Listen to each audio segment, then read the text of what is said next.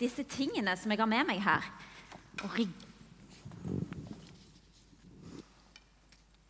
Og, rygge litt til. Jeg vet ikke om dere har lagt merke til at vi har rød løper i dag. Bare løfte den opp. Nei, den får bare ligge. Men dere, det var en gang en konge. Og i hele 33 år så regjerte han. Han ble bare mer og mer populær for hvert år som gikk. Og dette ble skrevet om han når han var på en av sine mange reiser gjennom landet. Mange ville se ham.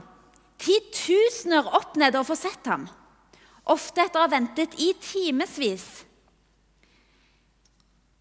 Ingen ble skuffa. Enda en gang viste kongen seg slik som vi har ventet oss å oppleve ham. Alltid oppløkt og smilende, alltid i godt humør, alltid vennlig og full av omtanke. Alltid verdig og kongelig. En konge av en annen verden, er det sagt og skrevet om han. Og så fikk han tilnavnet Folkekongen fordi han ikke var redd for å vise at han i tillegg til å være konge òg var en del av folket. Han var skikkelig bra, den varme og folkelige stilen hans. Samtidig med at han hadde alltid en verdig opptreden når han var i offisielle sammenhenger. Og så Det gjorde han superpopulær, disse tingene. Kongen møter folket heter boka VG skrev om denne kongen når han feira 25-årsjubileet sitt som konge. Kongen møter folket. Og dette, som dere ser bildet her, er kong Olav. Han var konge når jeg var liten. Og jeg husker Det var den kong, første kongen jeg fikk høre om. Kong Olav. Og når jeg var elleve år, så døde kongen. Og da var det kong Harald som ble konge etter han. Han som er konge nå.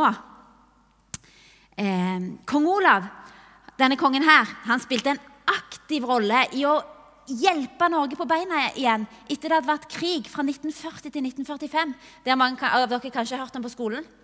Da var denne kongen viktig, for han var med å bygge opp landet. Og Så gikk han foran med et godt eksempel, og han heia på folket sitt. Og folket, de heia på kong Olav. Han var superpopulær. Det ble skrevet om kong Olav at eh, vi i Norge er enestående heldige som har en konge som slik lever opp til alles bilde og følelse av hva en konge skal være. Der har vi kong Olav. Han var akkurat sånn som vi tenkte en konge skulle være. Han var snill, han var god, han var en av folket. Han, han, han var ikke redd for å ta trikken. Det fins et bilde av kong Olav når han sitter på trikken midt blant vanlige folk. Kong Olav, liksom. Han hadde ikke kongekrone på hodet, men han hadde frakk og stokk og sånn, sånn kul hatt. Han vågte å være en av folket. Når kongen kommer, så brettes det ut sånne røde løper som jeg viste. Når kongen kommer på besøk, nå er det kong Harald, da ruller de ut den røde løperen. Og så samles folk med flagg for å hilse kongen velkommen. Og mange kler seg i bunad, sånn som dere så Elisabeth hadde i dag. Og så kommer de med blomster og gir til kongen og dronninga, da. Og det er alltid fest når kongen kommer på besøk. Noen ganger så er det ikke fest. Det er hvis det skjer sørgelige ting. Da kommer kongen på besøk for å trøste og oppmuntre. Vet ikke om dere husker det jordskredet som var i Gjerdrum for en stund siden. Da kom kongen og dronninga på besøk for å støtte og oppmuntre folket. Er ikke det fint at vi har en sånn konge i landet vårt? Som er til stede, som vi kan både feire, og som kommer med støtte og trøst når vi trenger det. I Bibelen så blir Jesus kalt kongenes konge. Og palmesøndag det handler om når kongenes konge kommer 33 år gammel inn i Jerusalem for å møte folket. Jesus hadde vært på en måte konge på jorda i 33 år, han. akkurat som kong Olav. Og denne palmesøndagen så kom han inn i Jerusalem på et esel. Og folket de venta forventningsfulle på han. Og de var så spente. De hadde stått der, så hadde de palmegreiner i hendene, og så hadde de kanskje venta i timevis på denne kongen som skulle komme. Det var ikke norske flagg, men det var palmegreiner. Og det som er med palmegreiner det var på, på, på den tida, når Jesus levde, når romerne regjerte, så var palmer, palmegreiner det var et symbol på seier. Og på alle myntene, de romerske myntene så var det bilde av en sånn palmegrein. Og Det symboliserte at Romerriket var den sterkeste, og de regjerte. Og de hadde seira over så mange land i krig.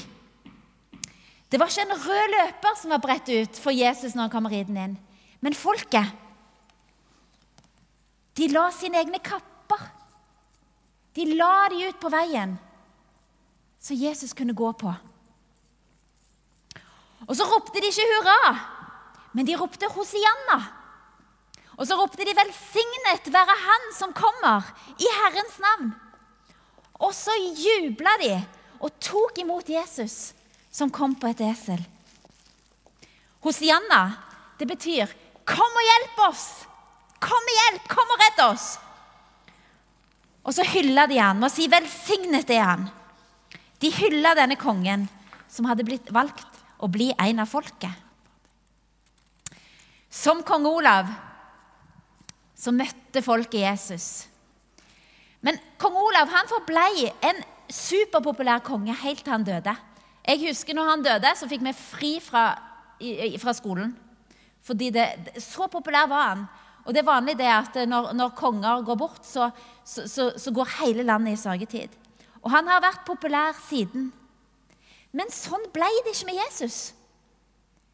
For det som skjer de neste dagene etter at Jesus rir inn i Jerusalem på palmesøndag, det er at veldig mange av de samme som ropte Hosianna og hurra, på en måte, de ble veldig skuffa.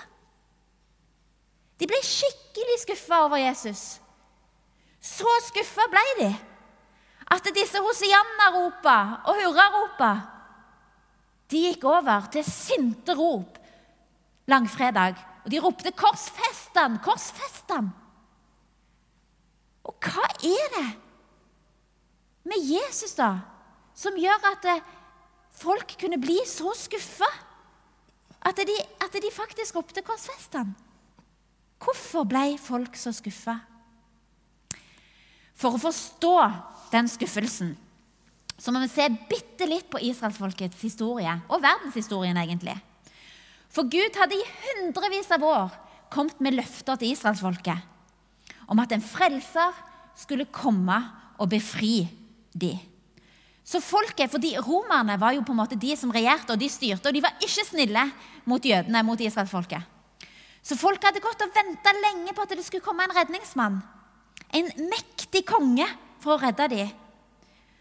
Og i mange hundre år så hadde ulike sånne stormakter regjert i, i den delen av verden. Vi har et bilde av den ene her. Han het Aleksander den store. Og han, eh, han leda, eh, leda makedonerne og, og perserne og slo land etter land i krig. Og så har vi òg konger som kong Dareios, og, har, eh, og det var to land. Og så nå var det Romerriket som, som, som, på en måte rulte verden og holdt israelsfolket undertrykt.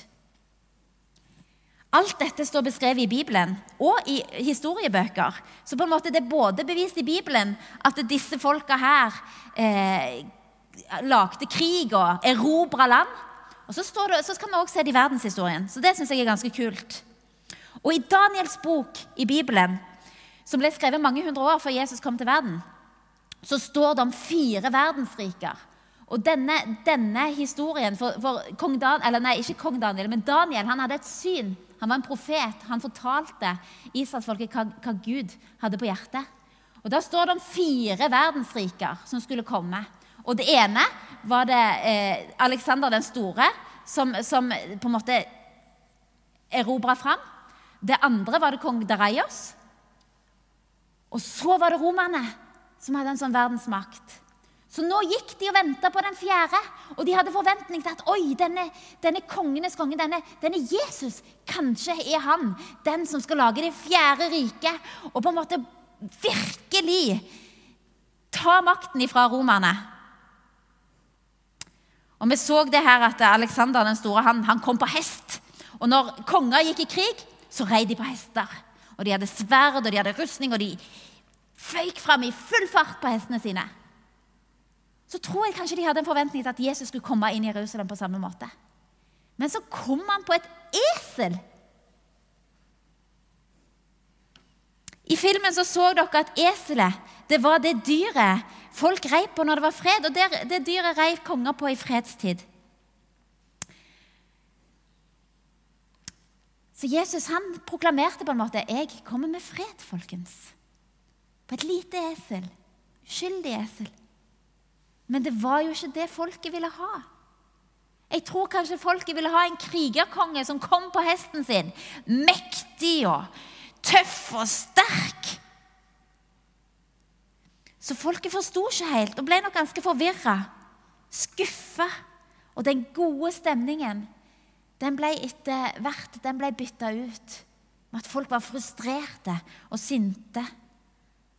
Og så endte det med, når Pilatus spør eh, folkemengden på langfredag hva vil dere jeg skal gjøre med denne mannen, så ropte de 'korsfest han'.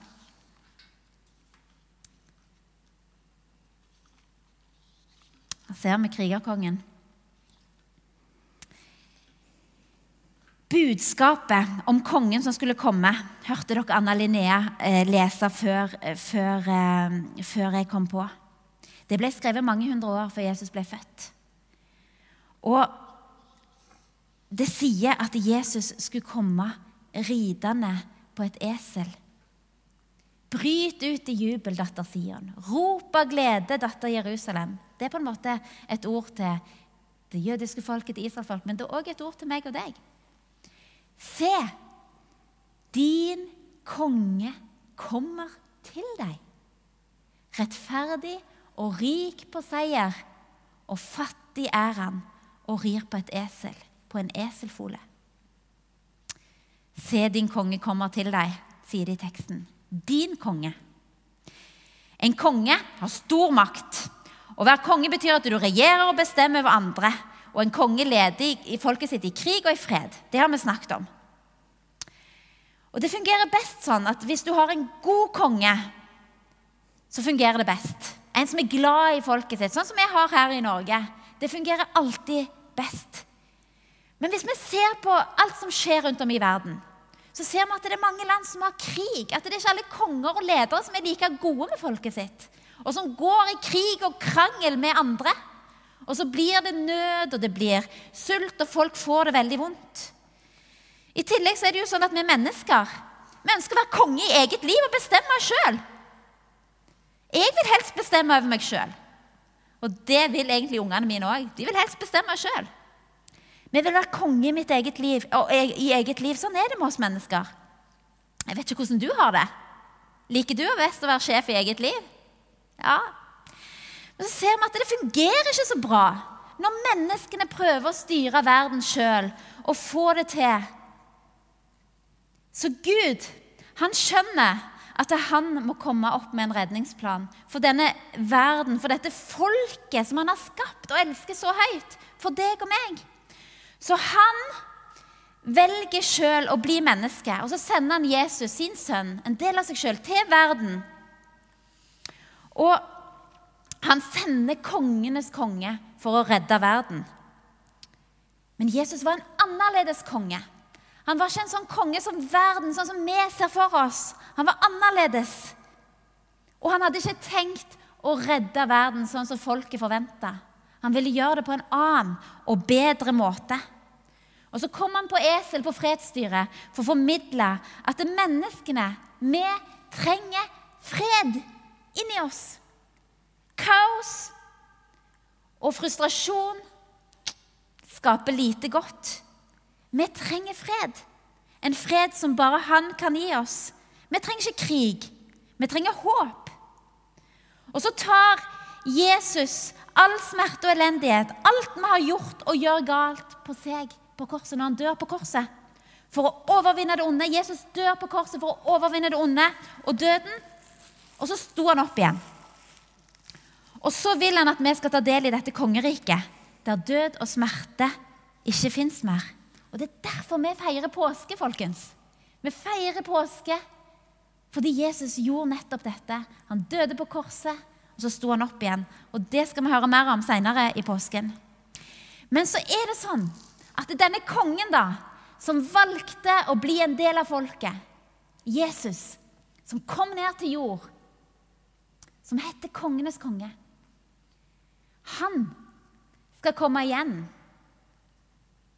for å gjøre endelig slutt på den en gang. Han overvant døden og det vonde på korset. Og så sier han at en dag skal jeg komme igjen for å gjøre helt slutt på alt vondt. Og da skal det ikke være smerte, og det skal ikke være død og sykdom lenger. Da skal alt være godt i all evighet. Og så inviterer han alle mennesker til å komme være med ham på det og leve i all evighet sammen med han. Og i åpenbaringsboken, som forteller mye, den siste boka i Bibelen, om når Jesus skal komme igjen, den står, sier dette. Johannes er på ei øy, og så ser han et bilde fra Gud. Gud viser noe, at dette skal skje en gang. Blant annet så står det at det, det skal ikke være mer nød og smerte i verden. Så står dette Og jeg så himmelen åpnet og se, en hvit hest. Og han som sitter på den, heter trofast og sannferdig. Og han dømmer og strider med rettferdighet. Det er Jesus som skal komme da, den dagen, når han kommer igjen for å dømme levende og døde, og når alt det vonde er over, for godt, da kommer han på en hvit hest. For da er, den, da er seieren endelig. Da har han vunnet endelig. Og så står det videre ned, videre i teksten, men så får vi neste bilde her. Det står at det på, på kappen hans og på sin hofte har han et navn skrevet.